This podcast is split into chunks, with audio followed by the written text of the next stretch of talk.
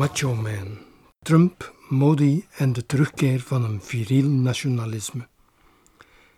Dit artikel verscheen op mo.be op 25 februari 2020 tijdens het tweedaagse bezoek van Donald Trump aan India.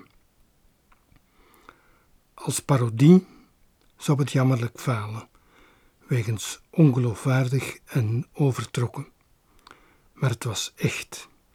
Vlak voordat de presidenten van de twee grootste democratieën ter wereld op het podium klommen, werden de village people door de boksen gestuurd. Niet de dorpsbewoners uit het Indiase binnenland uiteraard, de echte village people, de pastiche rockband uit de Verenigde Staten. Zo klonk het. Every man wants to be a macho man, to have the kind of body always in demand. You can best believe that he is a macho man, ready to get down with anyone he can.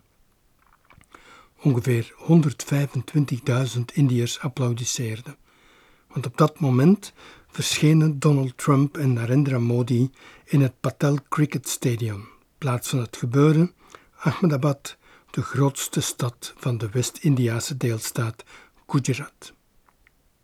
Het is niet toevallig dat de massamanifestatie met Trump in Gujarat doorging. Dit is de thuisbasis van premier Modi, waar hij deelstaatpremier was vanaf 2001 tot hij in 2014 doorstootte naar het niveau van de nationale macht.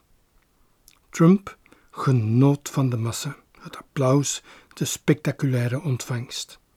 Hij deed ook een gewaardeerde inspanning om niet alleen over zijn eigen grootsheid te praten, en dus verwees hij naar Bollywood, cricket en Hindoewijzen uit het verleden.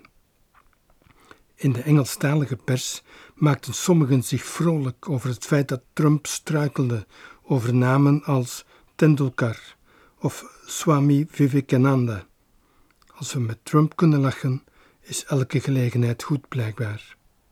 De verwijzing naar een denker als Swami Vivekananda was opvallend. Trump deed hiermee duidelijk een poging om een spirituele brug te leggen tussen de Verenigde Staten en de Hindoe-nationalistische basis van premier Modi.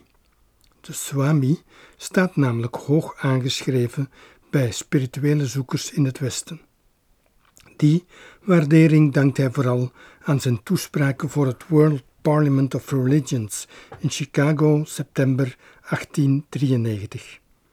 Daarin zijn voldoende citaten te vinden die religieuze verdraagzaamheid en een algemeen multicultureel samenleven onderbouwen, om hem tot de patroonheilige van de religieuze meltingpot te maken. Maar tegelijk is hij ook een van de sleutelfiguren in de heroplevingsbeweging van het Hindoeïsme, die rechtstreeks tot het hedendaagse Hindoe-nationalisme geleid heeft. Swami Vivekananda was heel erg een man van zijn tijd. De religieuze revival die hij voor de Hindoes op het oog had, zag hij niet zozeer door scholing van de massa, maar door fysieke heropleving. Daarin sloot hij heel nauw aan bij de Duitse romantiek en bij de stellingen van het Europa uit het beginnende fascisme. Hindoes moeten weer mannen worden, vond Swami Vivekananda en minder dwepen met liefde en poëzie. Want die hadden, en ik citeer, de hele natie verwijfd gemaakt. Een land van vrouwen. India zou pas opnieuw een machtige natie worden als Hindoes hun gevoel van krijgers en heersers zouden herwinnen. En dus moest God niet gedacht worden als liefde, maar als macht. Shakti.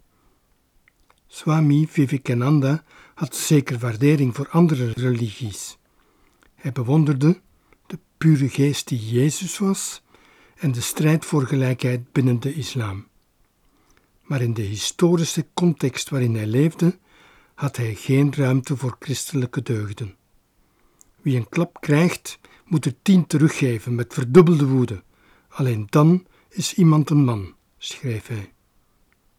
De profeet van de New Age verdraagzaamheid in het Westen blijkt in India dus de wegbereider te zijn van een viriel nationalisme dat liefde verdraagzaamheid en gelijkheid in het politieke veld ziet als lafheid en verwijfdheid.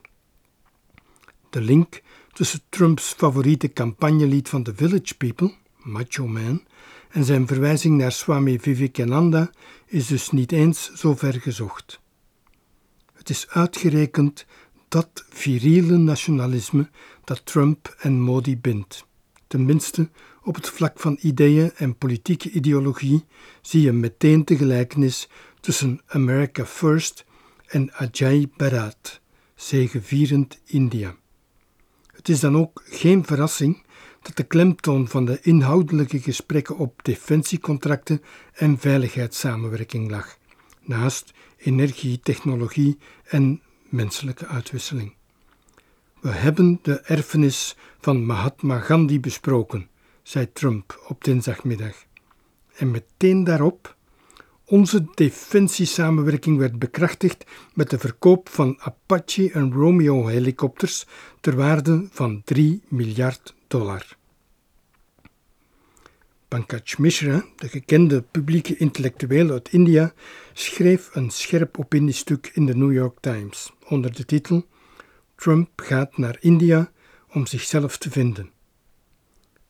Premier Modi heeft er in elk geval alles aan gedaan om Trump daarbij te helpen. Op de tweede dag van het bezoek zei Modi dat de 125.000 aanwezigen in het Patel Stadion meer voor Trump dan voor hun eigen premier gekomen waren. De Amerikaanse president sprak hem niet tegen. De bloemetjes gingen mooi over en weer, want Donald Trump schreef in het bezoekersboek van Mahatma Gandhi's Sabarmati Ashram, ik citeer, voor mijn grote vriend Eerste minister Modi, bedankt voor dit prachtige bezoek. Dat Trump niet eens een kleine referentie maakte naar de Mahatma zelf, viel bij een deel van het Indiase publiek slecht. Maar historisch zit het allemaal niet zo vreemd in elkaar. Want Gandhi en Savarkar, de echte oervader van het Hindoe-nationalisme, waren tijdgenoten en felle tegenstanders. Gandhi werd bovendien vermoord door een extremistische Hindoe-nationalist, een militant van de beweging van Savarkar, de RSS, waaruit ook Modi komt.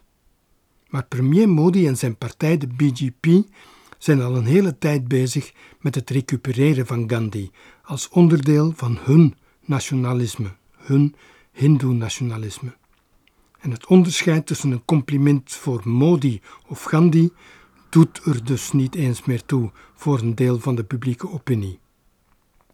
De basisstelling van Pankaj Mishra in zijn opiniestuk is dat Modi op het vlak van macht en controle realiseert waarvan Trump droomt. Onder andere dankzij een bijna volledig volgzaam medialandschap. India is Trumpland, schrijft Mishra. En hij verklaart dat door te wijzen op de mentaliteitsomslag in India van de jaren 1990, toen de basis gelegd werd voor de machtsovername van het Hindoe-nationalisme. Tot dan was er tenminste in woorden en overtuiging een sterke waardering voor eenvoud in India. Maar die werd toen ingeruild voor wat het noodzakelijke killer instinct genoemd werd, de viriele houding die nodig was om in neoliberale wereldordes groot en machtig te worden.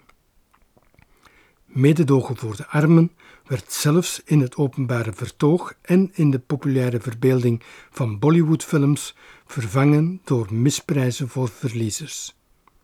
Nochtans zou dat zelfs tegen het gespierde Hindoeïsme van Vivekananda ingaan, want hij schreef, en ik citeer: Ik geloof niet in een god of een religie die de tranen van een weduwe niet kan drogen of die niet zorgt voor een stuk brood in de mond van de wezen.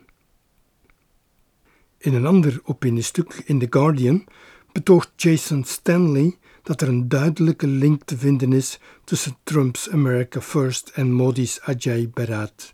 En die lijn loopt volgens hem langs de opkomst van Europees fascisme, Amerikaanse rassenwetten en gedeelde immigratieangst. Het America First nationalisme van Trump, schrijft Stanley, verlangt terug naar de Verenigde Staten van begin 20e eeuw, toen strikte immigratiewetten er de toegang voor Aziatische migranten blokkeerden. Dat verlangen wordt het duidelijkst zichtbaar in Trumps inreisverbod, dat nu al burgers uit 13 landen treft. De Amerikaanse immigratiewet uit 1924 kon daarom rekenen op de bewondering van Adolf Hitler in Mein Kampf.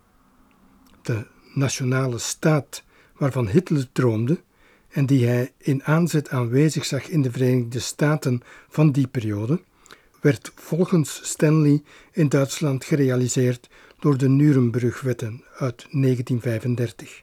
Vanaf dat moment waren Joden tweederangsburgers, zoals de zwarten in het zuidelijke Verenigde Staten, en er werden grote detentiecentra gebouwd om hen en andere onderburgers in op te sluiten. Dat model ziet Stanley terugkeren in het burgerschapsbeleid van de regering Modi, die niet alleen nieuwe discriminerende wetten aanneemt, maar ook detentiecentra is beginnen bouwen.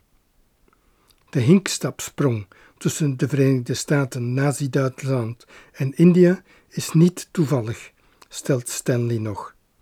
Want het Hindoe-nationalisme van huidig premier Modi is schatplichtig aan het Europese fascisme van begin 20e eeuw. En met name de onverbreekbare samenhang van volkssoevereiniteit en religie haalden de Hindoe-nationalisten bij Giuseppe Mazzini, de Italiaanse nationalist en later gebruikt door het fascisme.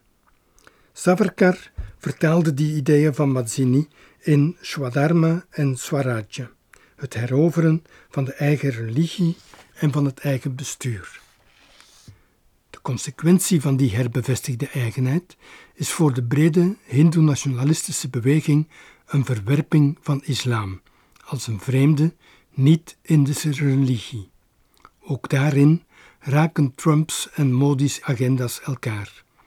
Beide nationalismes zetten zich uitdrukkelijk af tegen de islam en tegen moslims. Toch zijn Donald Trump en Narendra Modi, alle berenknuffels te spijt, ook heel verschillend. Modi heeft als jonge man vrouw en familie achtergelaten om zich helemaal ten dienste van de Hindoe-nationalistische beweging te stellen.